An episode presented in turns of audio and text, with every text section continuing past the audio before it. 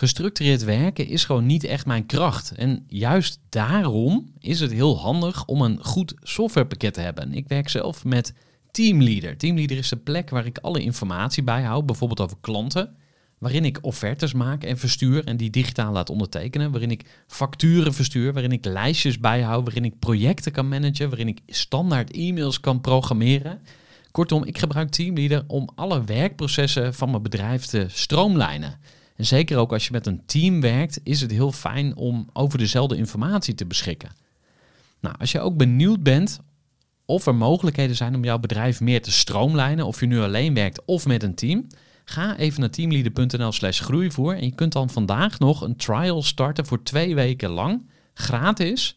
En je kunt Teamleader volledig uitproberen. En na de proefperiode krijg je ook nog zo'n leuke korting als luisteraar van Groeivoer. Ga naar teamleader.nl slash groeivoer. Gooi voor. Gooi voor. Gooi voor. Zoek je inzicht, inspiratie voor je eigen bedrijf. Wil je elke dag iets leren? Luister dan naar Gooi voor.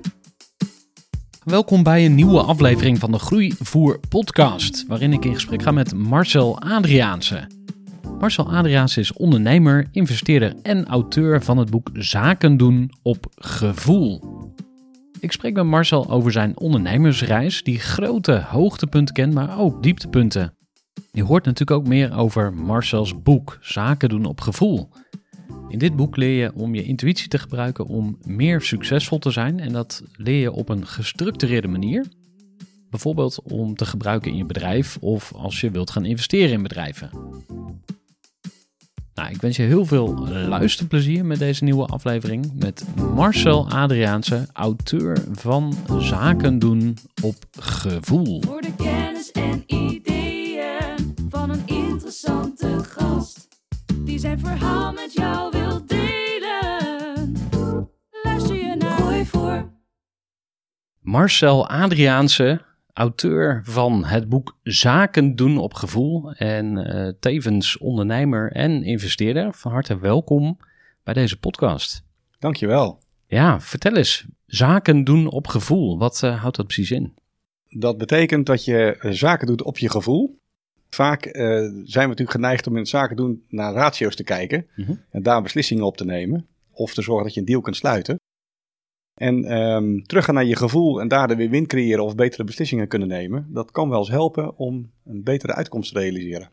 Ja, en ehm, hoe ben je ertoe gekomen om dit boek te schrijven? Nou, dat is een leuke vraag. Uiteindelijk eh, ben je bijna 25 jaar ondernemer. En eh, kijk je nou eens terug op je leven van ja, hoe heb je nou dingen gedaan? En ik doe eigenlijk alles op gevoel. En het boek schrijven heb ik gedaan om een soort footprint achter te laten, een gedachtegoed achter te laten. Omdat ik merkte dat ik vaak in gesprekken mensen één op één enorm kan inspireren.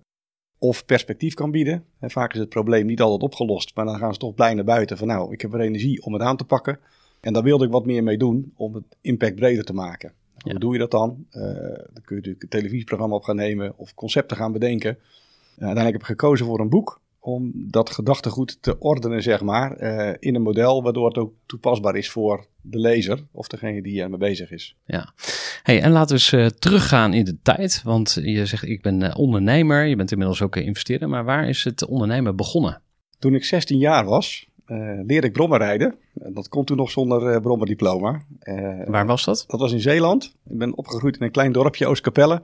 En uiteindelijk eh, ja, ga je dan op je 16 jaar met brommers aan de slag, zelf rijden. En uiteindelijk kon ik daar wel aardig goed aan sleutelen en wist men mij te vinden. Dus dan heb je gauw een klantenkring om je heen van vrienden die eh, zeggen joh Mars, kun je dat ding van Heukers nakijken? Mhm. Dus daar begonnen de eerste stap al in ondernemerschap.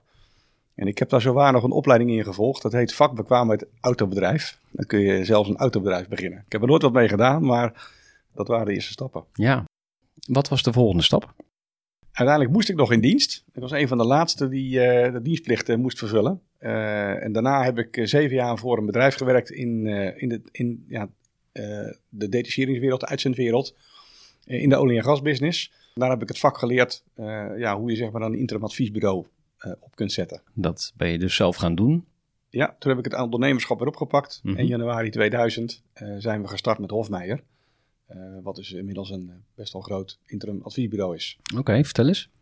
Ja, 130 man personeel, bijna 10 miljoen omzet. Eh, dus dan heeft het wel een aardige omvang. En hoeveel tijd steek je daar nu nog in? Op dit moment niet zo heel veel. Uiteindelijk in 2017 heb ik gekozen om uit de operatie te stappen. Mhm, Je ziet dat een ondernemer goede dingen doet en een manager doet dingen goed. Dat is een groot verschil. mhm. En het leek ook wel. In 2018 zijn ze daarna nog 20% gegroeid. Hmm. Dus dan zie je dat je als oprichter, ondernemer, eh, heel veel passie hebt voor eh, sales, het opzetten van zo'n bedrijf. Maar uiteindelijk zie je dat de omvang zo groot is dat ook wel dingen echt goed moeten gebeuren. Waardoor je weer een volgende stap in de groei kunt maken. En ik vond zelf dat ik daar niet de juiste persoon voor was. Heb je een voorbeeld van iets eh, wat je echt ja, minder goed gedaan hebt? Uiteindelijk zie je dat in de groei van een onderneming iets waar een, onder, een DGA of een oprichter heel goed in is, een bottleneck kan worden. Mhm. En dat Wat zie was dat bij jou? Waar, waar- waar, waar bleek dat uit? Mijn achtergrond is sales. En dat had ik dus geleerd in die zeven jaar voor dat bedrijf werken. Zeg maar, dat je dan heel goed bent in het verbinden van een klant met een correcte professional in een project. En uiteindelijk zie je dat een onderneming daar moeite mee heeft om dat dan autonoom op te pakken. Waardoor het te lang van jou afhankelijk is als persoon. Ik denk achteraf gezien, als ik dat eerder had losgelaten. Mhm. Eerder zeg maar de mensen de kans te geven om het op hun eigen manier te doen. Dat je die groei en die onafhankelijkheid of die autonomie van dat bedrijf eerder had vorm kunnen geven. En is er een eh, concrete situatie geweest waarvan je denkt van ah, dat had ik echt niet moeten doen? Ja, dat is een goede vraag. Nou, ik, ik denk uiteindelijk dat, dat het binnenhalen van opdrachten of grotere opdrachten, eh, als je dat zeg maar eerder samen doet met je collega's in plaats van zelf, dan leren je collega's daar vlugger eh, hoe zo'n deal binnenhaalt, hoe je zo'n klant binnenhaalt.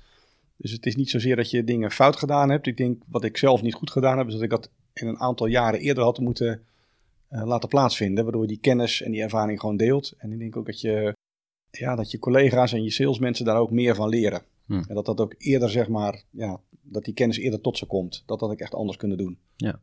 Eh, hoe, hoe ging het bij eh, Hofmeijer? Dat ging altijd eh, lekker voor de wind of, of waren er ook andere tijden? Nou, tot 2009 ging het aardig voor de wind. Eh, we hadden een schaatsploeg. Eh, we sponsorden Sparta als eh, voetbalvereniging, voetbalclub in de Eredivisie. In 2009 kwam de, ri- de crisis eraan, de vorige crisis waar we mee te maken hebben gehad met de financiële, nou, de bankentoestanden. En in 2009 verongelukte ook nog een keer mijn compagnon. Hmm. Dus dan heb je een externe crisis. Wacht even, je, je compagnon verongelukte? Wat is daar precies gebeurd dan? Ja, uiteindelijk heeft hij een ongeluk gehad in Oostenrijk. Dus dat doet dan met jezelf wel heel veel. En met zijn onderneming natuurlijk ook. Ja. En eh, wat was eh, de impact op het bedrijf? Ging je toen op, op zoek naar een nieuw compagnon eh, uiteindelijk? Of ben je het alleen gaan doen? Hoe ging dat verder? Ehm, uiteindelijk sta je er alleen voor. Dus op dat moment voel je je wel een lange tijd eenzaam. Ik denk dat het wel een maand of zes geduurd heeft.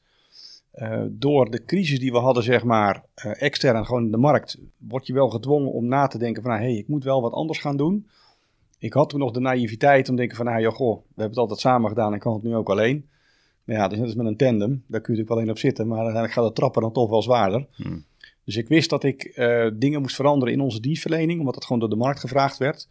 En eigenlijk is dat achteraf wel mijn geluk geweest, omdat je dan gedwongen wordt om te kijken van, nou, wat kan ik nou zelf nog? En waar heb ik andere mensen voor nodig? En toen ben ik gaan bouwen aan het team wat de organisatie nu is.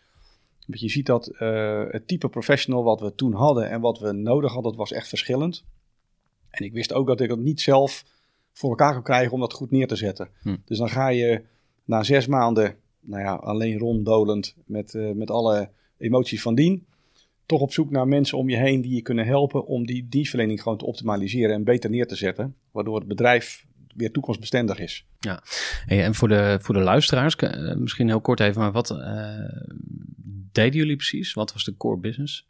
Nou, Hofmeijer beweegt zich in de financiële wereld. Ehm eh, het tastbaar voorbeeld is de corporatiewereld of bij de gemeentes en de onderwijsinstellingen. En daar wordt dus de financiële administratie gedaan. Eh, en in die tijd eh, had je nog echt te maken met mensen die facturen inklopten en dat soort dingen. Nou, door de automatisering en digitalisering verandert dat snel. Dus een mbo-niveau functie, ja, dat bestaat ook bijna niet meer. Dat werden allemaal hbo'ers, hbo plus, universitair geschoold personeel. Dus wij moesten een transitie maken eh, in het niveau van de mensen, omdat het werk op financieel gebied eh, veranderde. Dus het beter meedenken op het financiële vlak, meer toekomstgericht zijn van joh, we hebben inkomsten en we hebben uitgaven. Maar wat betekent dat nou voor de toekomst? Dat, dat vragen eh, opdrachtgevers. En bij de corporatiewereld hebben we natuurlijk meegemaakt met alle toestanden van dien in die sector, dat er op heel veel vlakken ja, eh, regelgeving gekomen is. Wat wel financiële impact heeft, maar niet zozeer met debiteuren crediteuren te maken heeft, maar meer Mhm. met nou, wat verwacht de overheid van een corporatie om het goed te doen. Dus dat vraagt, ja, dat zijn intelligentere vraagstukken. Misschien toch nog even terug naar jouw eh, eh, eh, toenmalige compagnon. Want ja, die was dus ineens weg. Maar hoe was die samenwerking daarvoor? Jullie hebben het echt samen opgebouwd? Of hoe zag dat eruit? Ja, wij waren wel, eh, wel twee handen op één buik, als ik het zo mag zeggen. Eh, en dat heb je ook wel nodig als je zo'n onderneming opbouwt. Dat je elkaar haarfijn aanvoelt. Op sommige vlakken waren we verschillend. Maar als je kijkt naar normen en waarden, als je kijkt naar hoe je met klanten omgaat, hoe je met je personeel omgaat, wat daar belangrijk in is, daar ehm, ja, dachten we 100% hetzelfde over. Nooit een discussie. Geloof je dat hij eh, nog ergens is? Eh, Ik denk het wel, ja. Ja, want ehm, heeft het je veranderd als, als mens? Ja, zo, een goede vriend van mij zei tegen mij, joh, sinds die tijd heb ik je nooit meer rustig gezien. Dus ik denk dat daar een verandering zit dan, denk ik. En waarom zei hij dat? Ja, nou ja, goed, ja, uiteindelijk. Het, het is natuurlijk toch een ervaring die veel mensen niet meemaken, die ook niemand gunt, ook een gezin niet gunt. En eh, je verwacht het ook helemaal niet. Ehm, omdat je denkt van, ja, dat is net een huwelijk, we gaan de eindstreep gewoon samen halen. Ja, misschien is het daarmee te vergelijken, weet je, met zo'n gevoel. Dat je daar ehm, ja, dan die rust kwijt bent of zo. Ik ervaar het zelf zo niet, maar dat, dat hoor ik wel, wel terug van de buitenkant. Hmm. Dus dat is wat het me veranderd heeft. En wa- wa- wat, wat gebeurt er dan precies? Wat, wat is die onrust? Nou, kijk, ik vertaal het in de zin dat je ziet dat die crisis eh, jaagt je enorm op. Hè. Je bedrijf staat natuurlijk onder druk. En dat kunnen ondernemers nu natuurlijk ook voelen als je kijkt naar de crisis waar we nu in zitten met de hele eh, COVID-perikelen. Ja, word je gewoon opgejaagd om te zorgen dat je je bedrijf in leven houdt. Dat je voor je mensen de salarissen kan betalen, je klanten kunt bedienen. En als producten of diensten niet meer op, op elkaar passen, ja, dan, ga je daar, dan heb je de neiging om te hard te gaan lopen. En ehm, ja, dat heeft ook de weerslag op, op jezelf. Eh, dus als je dan kijkt naar wat je dan meemaakt in die jaren daarna, dat je ook wel een stuk roofbouw pleegt op je eigen lichaam. En hoe zag het er bij jou uit? Nou, uiteindelijk zijn natuurlijk de geëikte eh, hart- en darmproblemen komen dan wel voorbij. Eh, en dan ben je 37, 38. Dan denk je, ja joh, weet je, dat gaat mij overkomen. Maar dat, dat is natuurlijk, ja, dat zijn geleidelijke processen die je niet direct in de gaten hebt tot het zover is. En eigenlijk zo'n lichaam zegt van, ja joh, ja, ik ga met jou gewoon even niet meer mee.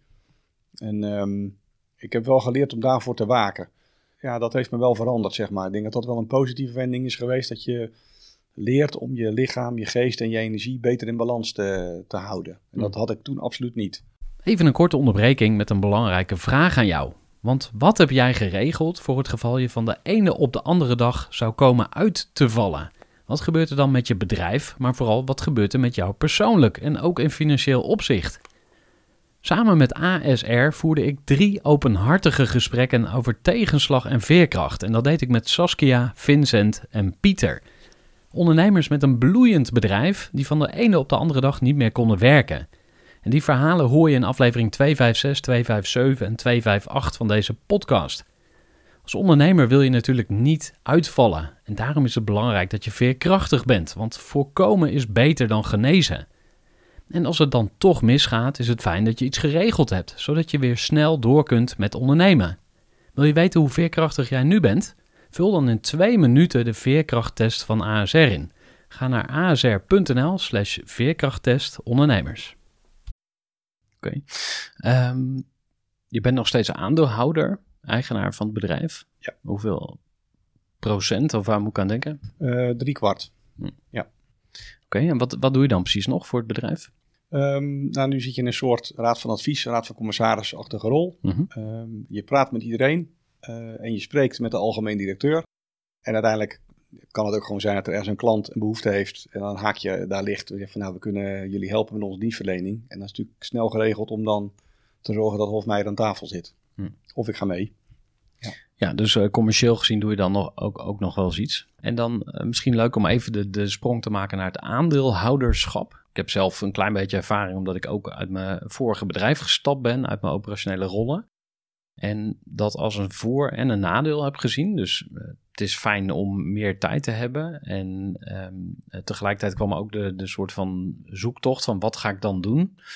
En wat ik zelf ervaar is dat een aandeelhoudersrol toch wel iets heel anders is dan gewoon echt ondernemer zijn. Hè? Dus een aandeelhouder die moet ook naar getallen kijken en eh, zit ook veel meer op afstand. Dus die moet ook met minder informatie toe. Hoe kijk jij naar aandeelhouderschap? Nou, het is, is een goede vraag. Want uiteindelijk zie je dat aandeelhouderschap eh, en ondernemerschap zijn twee verschillende dingen.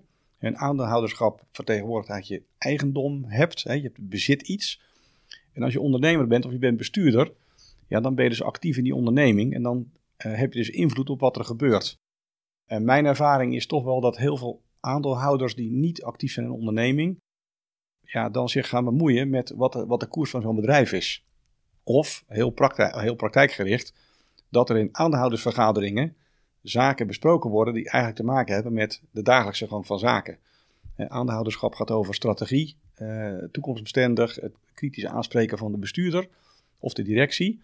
En zorg ook dat de vraagstukken die liggen op het uitvoeren van het beleid, ja, op het bordje liggen van de bestuurder of de directeur. En niet op het bordje van de aandeelhouder. Kun je daar eens even een heel concreet voorbeeld van geven? Nou, goh, een, eh, het, het aanschaffen van een softwaresysteem, wat bijvoorbeeld een 2 ton kost. Mhm. Nou, daar heb je als aandeelhouder best wel. Vertel eens, wat was jouw mening en wat gebeurde er aan de andere kant van de tafel? nou, wij hebben daar, je voelt dat goed aan. Wij hebben daar dus totaal niet over gesproken, omdat ik die beslissing gewoon bij die directie gelaten heb. Oké, en wat, ge- wat gebeurde er toen? Nou, niks. Het wordt gewoon aangeschaft. Omdat het past in het beleid van de onderneming. Maar ik kan me voorstellen dat er heel veel aandeelhouders het gevoel hebben van... nou, daar wil ik toch wel eens wel even over meepraten en over meebeslissen. Had jij dat gevoel ook? Nee, eh, absoluut niet. Oké, dus Nee. je hebt het wel losgelaten. Ja. En wat was dan een situatie waarin je het niet kon loslaten? Dat je echt dacht, oh fuck, dit, waarom doen jullie dit zonder mij? Nee, dat klinkt vreselijk arrogant, maar dat heb ik nooit gehad. Hm. Nee. Maar dat komt omdat ik mijn bed uitkom om mensen te laten groeien en ondernemingen te laten groeien. En ehm, ik heb letterlijk meegemaakt dat in, ook in andere ondernemingen een beslissing genomen wordt die misschien wel 50.000 euro gekost heeft, waar wel heel veel van geleerd is. En dan kun je achteraf zeggen, ja, ik grijp in, waardoor je die halve ton bespaart. Maar heeft de onderneming, heeft het managementteam, hebben de medewerkers er dan wat van geleerd? Dan heb je eigenlijk alleen maar eh, ja, soms moet je wel eens iemand een keer van de trap laten rollen. Hm. Om te weten dat het gevaarlijk is. Klinkt ook wel alsof, het gaat over geloven in mensen. Hè? Dus echt vertrouwen stellen in mensen. Is dat Ja. belangrijk voor je? Ja, absoluut. Ja, dat denk ik dat de voorwaarde is. Absoluut. Ehm, waar zou je nog in willen groeien als ondernemer? Ehm, ik denk als ik, eh, als ik het toverstafje zou hebben en ik ben vijf of tien jaar verder, dat ik de investeringen die ik nu heb lopen in de ondernemingen waar ik mee bezig ben, dat je dat nog sneller kunt doorgronden of nog beter kunt eh, analyseren, waardoor eh, die onderneming snel, sneller kan groeien en waardoor die mensen dus ook sneller kunnen groeien. En dat laatste is eigenlijk het belangrijkste. Daar zie ik nog heel veel ruimte voor mezelf. Ja, dus eh, misschien eh, zou je kunnen zeggen betere eh, investeerder worden ook? Of Ja, dat dan- de te ja. nauwe definitie? Ja, dan, dan zou ik denken van gewoon, dan gaat het om het resultaat wat je dan wil halen.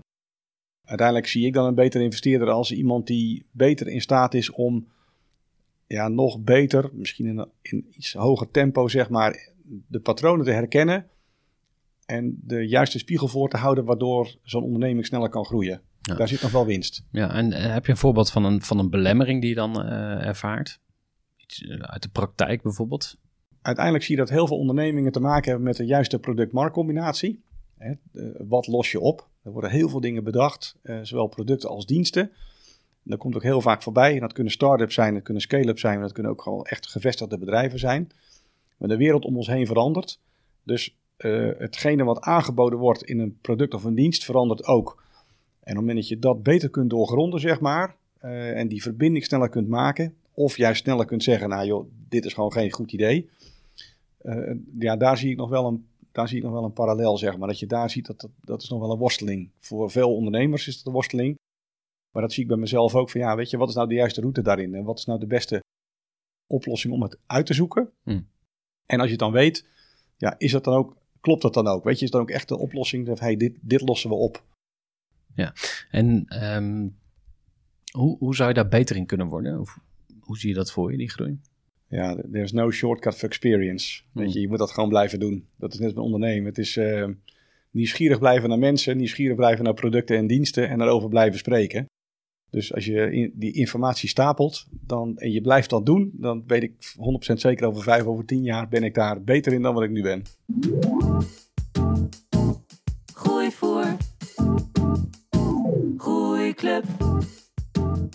Ja, we zijn ongeveer halverwege het gesprek met Marcel. En ik wil je bedanken dat je luistert naar deze podcast, die bekroond is met een BNR Dutch Podcast Award. Zijn wij nog geen vrienden op LinkedIn? Dan zou ik het super leuk vinden als je mij toevoegt. Dan kunnen we elkaar iets beter leren kennen. En als jij ondernemer bent, dan zou ik het sowieso leuk vinden om je een keer face-to-face te ontmoeten. En ik organiseer elke twee weken een open groeisessie voor ondernemers. En jij kan erbij zijn. Dus als je het interessant vindt, schrijf je even in voor een online groeisessie. Dat is elke woensdagochtend om half tien, één keer per twee weken. En dan eh, ga je lekker sparren met andere ondernemers. Dus je leert nieuwe mensen kennen, je werkt aan jezelf en aan je bedrijf. En jij en ik kunnen elkaar ook even zien. En dan gaan we nu snel terug naar het gesprek met Marcel Adriaanse. Luister lekker verder naar Gooi voor. Nog even over groei. En dan gaan we ook naar jouw boek, want daar zijn we natuurlijk ook eh, eh, heel benieuwd naar. Waar zou jouw vrouw je eigenlijk in willen laten groeien? Ehm, nou, als je zou vragen aan haar van, goh, weet je, eh, waar staat Marcel voor? Dan, dan zal ze ongetwijfeld zeggen, ja, hij staat altijd voor je klaar. Ik denk waar ik nog kan groeien is ehm, nog iets meer rust bewaren in de dingen die ik soms wel van dingen vind. Of ehm, waar ik mee thuis kom. En dan zit je natuurlijk verkokerd in je eigen gedachtenpatroon. En dat heb je met een goede partner die zegt dan wel eens van, ja joh, Mars, het zou ook wel eens anders kunnen zijn. Laten we die andere kant ook eens bekijken. Hmm. En nou, dan zou ik heel veel tijd en energie kunnen winnen. En wat zijn dat voor dingen dan waar jij je zo in vastbijt? Nou, bepaalde processen die op een bepaalde manier niet goed lopen. Of in een bepaald tempo waar ik van denk van joh, dat kan toch veel vlugger. En dan zie je dat mensen hebben tijd nodig om dingen te leren en te adopteren, zeg maar. Dus dan zit je, nou, kom je in mijn eigen boek, dan zit je in een bepaalde projectie, kom je dan terecht. Waardoor je dus van zo'n proces of zo'n persoon iets vindt. En ja, dan spiegeltje voorhouden, dat geeft dan wel als ik denk, nou nee, ja, dat kan inderdaad ook. Hè. Misschien eh, eh, gaat het juist wel heel erg goed en moet ik het juist meer geduld geven. En je zei ook, eh, Marcel staat altijd voor iedereen klaar. Toen dacht ik meteen van, oh, eh, dat hoor je wel eens vaker bij ondernemers, hè, van je bent eigenlijk te lief of te, te dienstvaardig of dat soort dingen. Eh, herken je daar iets van? Ja, te lief. Ja, ik, ik, ik denk omdat ik mensen wil laten groeien, heb ik, meer, heb ik daar wel meer geduld voor. Dus ben ik dan niet iemand die het conflict opzoekt. Ehm, ik herken wel mensen die zeg maar, gedreven zijn om het sluiten van een deal of de hoogste winst te halen of echt wel resultaatgericht te zijn. Eh, ja, dat heb ik niet zo eigenlijk. Ik zie dat, Hm. daar ben ik dan misschien wel een, iemand die inderdaad eh, eerder conflictmijdend is. Hm. En dan, daar heb ik dan wel weer geduld in. Eh, en stiekem voor mezelf denk ik dan wel eens van, nou joh, eh, kom op, dat kan toch wel wat vlugger. Dus ik herken het wel. Ehm, ja, hoogste tijd om naar je boek te gaan. We hadden het nu net even over ja, te lief zijn of juist niet lief genoeg zijn. Waarom ik dit erbij haal is omdat business heel vaak geassocieerd wordt met eh, hardheid. Hè? Keiharde business en een zakenman. Hè? De, daar wordt ook nog steeds... eh, ja, mensen vinden daar iets van. Hè? Dus als je een bedrijf hebt dan, dan, eh, of ondernemer bent, dan gaat het je waarschijnlijk om het geld. Ja. Nou, dit zijn de clichés. Er zijn natuurlijk al heel veel mensen die ook de, de nuances kennen. Ja. Maar laten we even ze- aannemen dat business haaks staat op gevoel. Maar je hebt daar een hele andere mening over. Neem ons eens mee. Ja, je zegt dat mooi. Hè? Uiteindelijk is het natuurlijk een bepaald beeld. eh, ja, ga, stuur je op resultaat. Ik, ik heb geleerd en ook wel gezien bij andere ondernemers. Op het moment dat je het gevoel beter laat spreken. Hè, wat ik in het begin ook aangaf. We gaan terug naar, naar, naar eh, ratio's. Hè. We zijn geneigd om daar natuurlijk, naarmate we in onzekerheid komen. Of we krijgen druk van een bank. Of leveranciers die hun geld willen hebben. Om in Excel te duiken. En eh, dan ben je ook geneigd om naar die cijfers te gaan kijken. En dan ontstaat er een bepaalde hardheid. Eh, dus dat beeld snap ik wel. Maar uiteindelijk, kijk, uiteindelijk als je, als je medewerkers blij zijn en je klanten zijn blij, dan lopen dingen gewoon veel meer vanzelf. En creëer je een beleving. En of dat nou een kleine onderneming is of een hele grote onderneming is, kunnen we zat voorbeelden van noemen. Maar je wilt gevoel aanspreken van je klant en je wilt gevoel aanspreken van je medewerker. En hoe meer je zeg maar stuurt op hardheid. Ja, ik zat vanmorgen nog in een, in een eh, online sessie en er kwam een ondernemer voorbij en die, ja, die groeit heel hard, elk jaar 100%. En je voelt aan hem dat hij, ja, hij stuurt zeg maar op, op resultaten. Ja, uiteindelijk gaan mensen daar niet voor lopen. Uiteindelijk willen mensen een bepaald gevoel hebben bij jou als leverancier of een bepaald gevoel hebben bij jou als, als werkgever. Uh, en dat is toch het onbewuste wat je dan aantikt.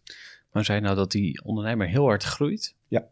En hij stuurt op resultaat? Ja. ja. Maar wat leer jij van die ondernemer? Wat, wat doet hij goed en wat doet hij niet goed? Nou, ik denk wat hij heel goed doet, is dat hij inspeelt op de markt. Dat je daar dus uh, de durf hebt om op te schalen en mensen aan te nemen. Uh, en ik denk uiteindelijk dat als je kijkt naar uh, een onderneming die heel snel groeit, zorg dan wel dat je de juiste normen en waarden vasthoudt die je zelf ook fijn vindt. Je hebt natuurlijk wel de neiging om achter de resultaten aan te lopen. Dat is natuurlijk zeker als dat lekker gaat en dat is jouw drijfveer, dan is dat voor jezelf misschien wel goed. Maar je ziet zeker bij millennials dat ja, die komen voor, om een andere reden hun bed uit. Hmm. En dat, uh, dat de bankrekening van jouw bedrijf dan dik gevuld is, of jouw eigen bankrekening. Dat is een prachtig resultaat, maar uh, uiteindelijk is dat niet hetgene waar je op kunt sturen. Hmm. Dus dan is het gevoel veel belangrijker. Ja. Uh, je hebt er een boek over geschreven. Wat staat erin? Het gaat over intuïtie. Het is letterlijk mijn gedachtegoed. Het is een soort footprint. Uh, en het is opgedeeld in twee helften. De ene helft gaat over het beter kunnen laten werken van je eigen intuïtie. En de andere helft van deel 2 van het boek gaat over het, het voeden of het aanspreken van de intuïtie van de ander. Waardoor je een betere verbinding krijgt en ook beter een win-win kunt re realiseren met elkaar. Oké, okay, en wat is intuïtie dan precies? Ja, intuïtie. De definitie is eigenlijk dat je een, een actie of een beslissing inzet waar je stiekem van tevoren wel weet dat het de juiste is. Hetzelfde als onderbuikgevoel of is het net weer anders? Hoe... Nee, dat is het wel. Het is hmm. echt van je gut feeling die je kunt volgen. En uh, dat kun je niet in een model stoppen. Hè. Intuïtie kun je niet in een model stoppen. Um, maar wat ik gedaan heb met dat boek... toch geprobeerd? Nou, wat ik geprobeerd heb met dat boek, en dat is denk ik wel gelukt, is dat als je boeken leest over intuïtie, dan zul je een heel hoog ojagehalte hebben. Hè. Malcolm Gladwell of uh, Ab Dijksterhuis. Het zijn natuurlijk prachtige boeken. Heel veel herkenning. En dan leg je zo'n boek weg en dan denk je, ja, goh, wat kan ik er nou zelf mee? Hoe toepasbaar kan ik het maken? En ik vind als je een boek schrijft of als je een boek leest, dan, ja, dan moet er iets in zitten waar je op het moment dat je dat weglegt en je hebt dat stukje gelezen, dat je naar buiten loopt en er direct mee aan de slag kunt. En uh, dat heb ik in een model weten te gieten om te zorgen dat er dus die toepasbaarheid uh, heel goed naar voren komt. Hm. Uh, misschien nog even terug dan naar de definitie van, van intuïtie. Uh, je zegt eigenlijk onderbuikgevoel.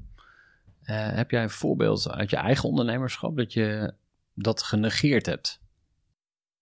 Ja, ik denk dat je soms wel eens mensen aanneemt of aangenomen hebt waarbij je te veel op de ratio afgaat. Uh, en dan zeg ik, uh, nou, wat kan ik eraan winnen? Weet je, uh, hoeveel salaris heeft iemand? wat zou dat kosten? Hoe lang gaat dat duren voordat iemand dan rendabel is? En dat je daar dan te lang op blijft staren en jezelf eigenlijk op blind staart op die rationele gegevens. En achteraf denk ik dan van ja, goh, als ik naar mijn gevoel geluisterd had, had ik die persoon gewoon niet aan moeten nemen. En dat gebeurt ook wel eens bij klanten, hè, dat je een grote opdracht binnen kunt halen. Van, goh, als ik die opdracht naar binnen haal, heb ik zoveel winst gemaakt. En wat je dan krijgt is dan, zeg ik altijd maar, het doen om de poen. Nou, dan haal je een grote opdracht binnen, hartstikke blij, dat lijkt ook super te gaan. En naarmate zo'n project of zo'n proces dan vordert, of zo'n relatie met zo'n klant vordert, zie je gewoon dat je ja, de verbinding niet gekregen hebt omdat je een win-win wil creëren. Je hebt eigenlijk gekeken van, nou joh, wat kan ik er nou maximaal uithalen? En ja, dat zijn zo wel van die dingen. En ik van, goed, dat, ja, dat begin je zeker in je jonge jaren. Wil je natuurlijk scoren bij je baas of wil je scoren bij je eigen bedrijf. En achteraf denk je dan van, nou, ik wist eigenlijk stiekem al dat dat uh, hoop ellende zou opleveren. Hm. Ja. Ik moet even terugdenken aan mijn begintijd als ondernemer. Begonnen met twee compagnons samen. We hadden het bedrijf Mijn Student. En wij deden met studenten allerlei klusjes. Dus we gingen verhuizen en tuinieren en schoonmaken en schilderen. Nou, we deden van alles en nog wat.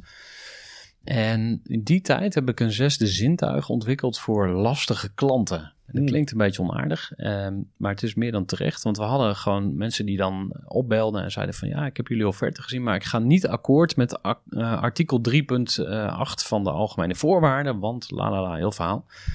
Nou, de eerste keer gingen we daarin mee.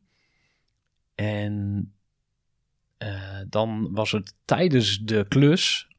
eh, zat die kl- klant bij wijze van spreken op de stoel ernaast... Om, om alles in de gaten te houden of het wel goed ging. En die had overal opmerkingen over.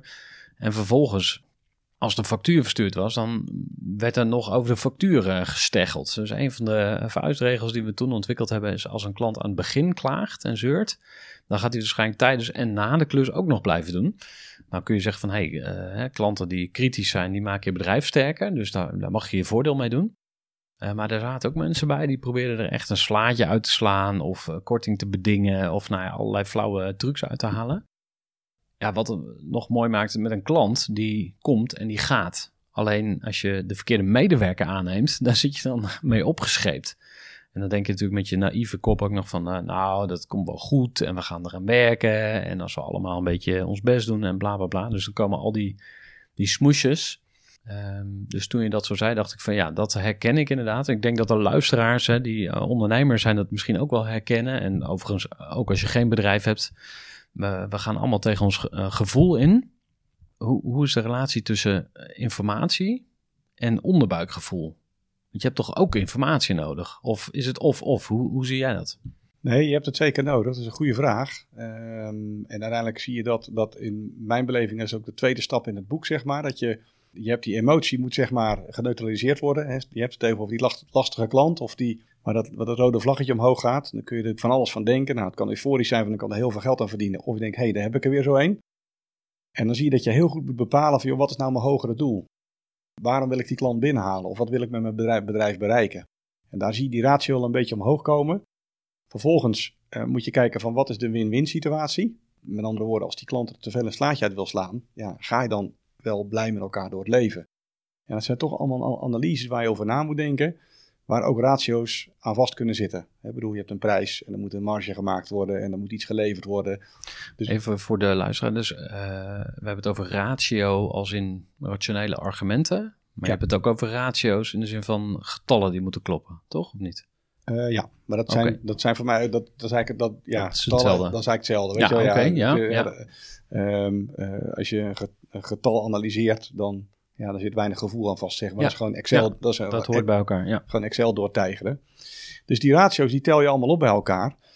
En uiteindelijk merk ik dan aan mezelf, hè, dat je, als je dan zeg maar je intuïtie aan wil spreken, dat je er ook vertrouwen in moet hebben. Dus zorg dat je dan die ratio's weglegt en gaat mijmeren over hetgene wat je allemaal verzameld hebt. En om dat praktisch te maken, kijk, iedereen koopt wel zijn huis. En ehm, als je een huis koopt, nou wij wilden een huis kopen, wij wilden graag een woonkeuken in ons huis. Dus dat was iets, dat, dat was ons hogere doel. Maar uiteindelijk zitten er natuurlijk allerlei berekeningen aan vast. Kun je de hypotheek betalen, kun je de financiering betalen, wat moet ik nog betalen om te verbouwen. En uit onderzoek is ook gebleken dat hoe je zeg maar zo'n proces doorloopt op basis van je gut feeling, dat er waren drie categorieën mensen. Er waren mensen die directe beslissing namen. Nou joh, dat ga ik doen. Er waren mensen bij die eh, gingen tot aan het energielabel alles eh, uitpluizen en zeggen van nou, dan doe ik het ja of nee. En er waren ook mensen bij, een groep die verzamelden al die informatie, lieten dat gewoon eens door hun hoofd heen gaan, sliepen er een nachtje over of ging een rondje pingpongen of rondje fietsen. En uiteindelijk maakten ze een keuze ja of nee. En die laatste groep, daar is toch het gebleken dat die vaak dan de betere beslissingen neemt. Dus ja, het verzamelen van die rationele informatie en dat is door je hoofd laten gaan. En eigenlijk misschien wel, nou ja, denk ter plekke la- langs je gut feeling eh, duwen, zeg maar. Dan komt daar een keuze uit. En dan weet je ook achteraf, of eigenlijk weet je vooraf, hè, dat dat gewoon de juiste beslissing is. En dat kan zijn dat je het doet of dat je het niet doet. En heeft dat dan ook nog iets te maken met eh, spiritualiteit of het, het hogere, hetgeen we niet kunnen zien? Ja, uiteindelijk ehm, eh, denk ik dat er wel zoiets is. Eh, een leuk, voor, een leuk Hoe voor- ziet dat eruit? Nou ja, een leuk voorbeeld is dat heel plat naar een sales traject. Stel dat jij een, een mooie prospect hebt waar je binnen wil komen. Ik heb dat zelf heel vaak meegemaakt. En je wil met die klant een afspraak. En dat lukt maar niet en dat lukt maar niet. En uiteindelijk komt er een afspraak en dan wordt twee keer afgezegd.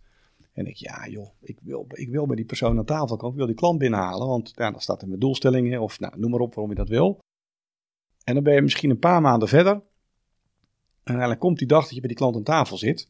En dan zegt hij zo waar, joh, nu je hier zit. Gisteren had ik het volgende vraagstuk. Kun je me nou vandaag bij helpen? Hm. En denk ik achteraf, ja joh.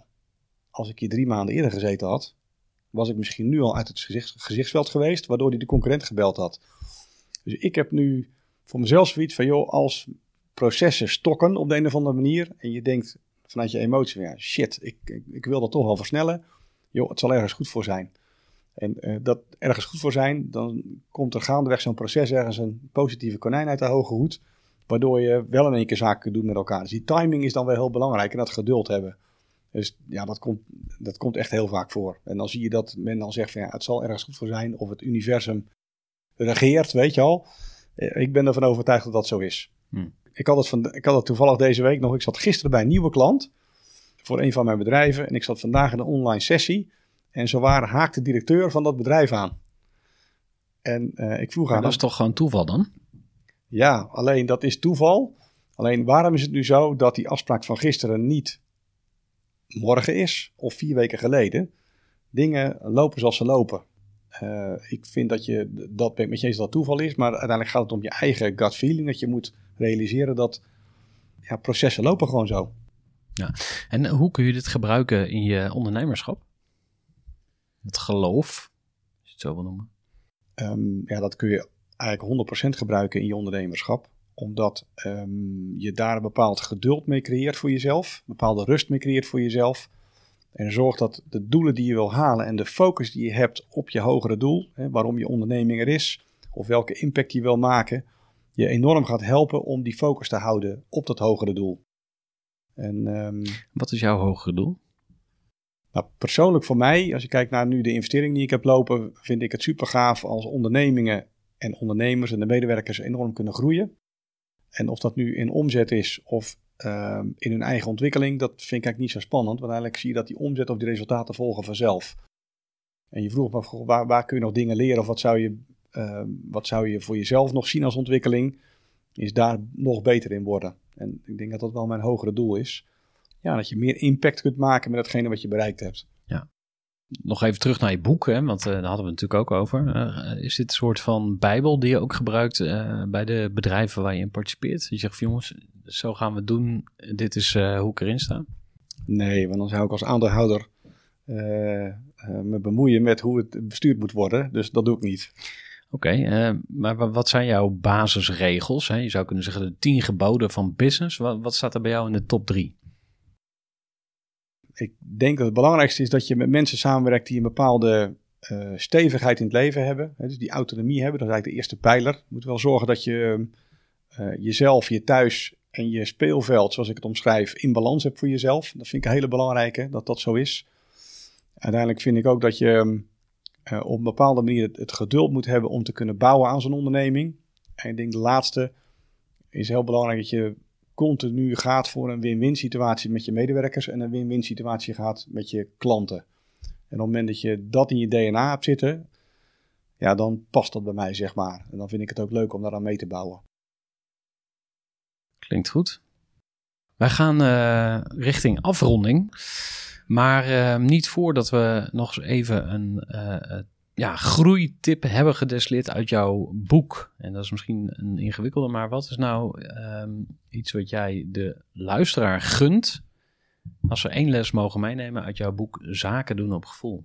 Ik denk dat in deze tijden het heel belangrijk is om jezelf kwetsbaar op te stellen. Als je als ondernemer of als medewerker of als klant, nou, laten we kijken vanuit ondernemerschap, eh, jezelf kwetsbaar opstelt en eigenlijk van buiten naar binnen denkt, dan bereik je sowieso de, de, de klant veel sneller. En het kan dus zijn dat je met je onderneming ja, in de problemen zit door deze situatie. Zorg dan dat je mm, ja, met je klanten in gesprek gaat. Met nieuwe klanten in gesprek gaat, met je bestaande klanten in gesprek gaat. En geef ook gewoon aan van, goh, ja, we zitten in deze situatie. We vinden elkaar aardig. Maar hoe kunnen we ervoor zorgen dat we duurzaam met elkaar kunnen blijven werken? En ik merk dat heel veel bedrijven en heel veel ondernemingen zeg maar leven in hoop van, joh, het zal wel goed komen. Eh, maar het kan zomaar zijn dat jouw product of dienst misschien wel toe is aan vervanging. En dat zo'n crisis eh, dat nu versnelt. Dus op het moment dat je je kwetsbaar opstelt en dat gewoon eens echt kritisch gaat bekijken. En ja, spreekwoordelijk naakt voor je klant gaat staan. Dan hoor je ook echt wel ehm, waarom ze je leuk vinden, waarom ze zaken met je deden. Hmm. En misschien vind je wel haakjes, haakjes waarom ze zaken met je willen doen.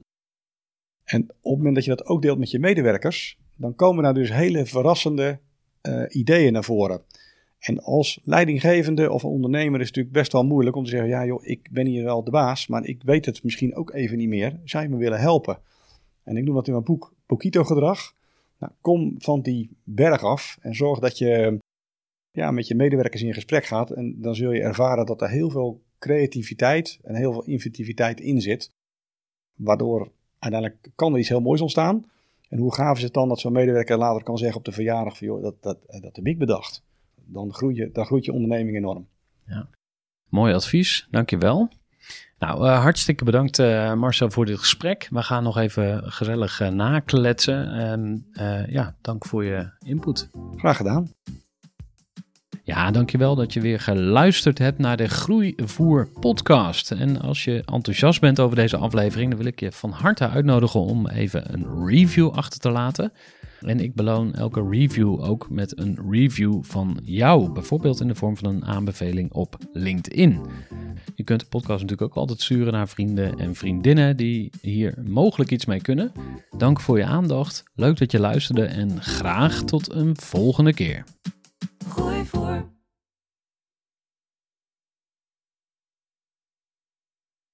Gestructureerd werken is gewoon niet echt mijn kracht. En juist daarom is het heel handig om een goed softwarepakket te hebben. Ik werk zelf met Teamleader. Teamleader is de plek waar ik alle informatie bijhoud, bijvoorbeeld over klanten. Waarin ik offertes maak en verstuur en die digitaal laat ondertekenen. Waarin ik facturen verstuur, waarin ik lijstjes bijhoud, waarin ik projecten kan managen, waarin ik standaard e-mails kan programmeren. Kortom, ik gebruik Teamleader om alle werkprocessen van mijn bedrijf te stroomlijnen. En zeker ook als je met een team werkt, is het heel fijn om over dezelfde informatie te beschikken. Nou, als je ook benieuwd bent of er mogelijkheden zijn om jouw bedrijf meer te stroomlijnen, of je nu alleen werkt of met een team, ga even naar teamleader.nl slash groeivoer en je kunt dan vandaag nog een trial starten voor twee weken lang, gratis. En je kunt Teamleader volledig uitproberen. En na de proefperiode krijg je ook nog zo'n leuke korting als luisteraar van Groeivoer. Ga naar teamleader.nl slash groeivoer.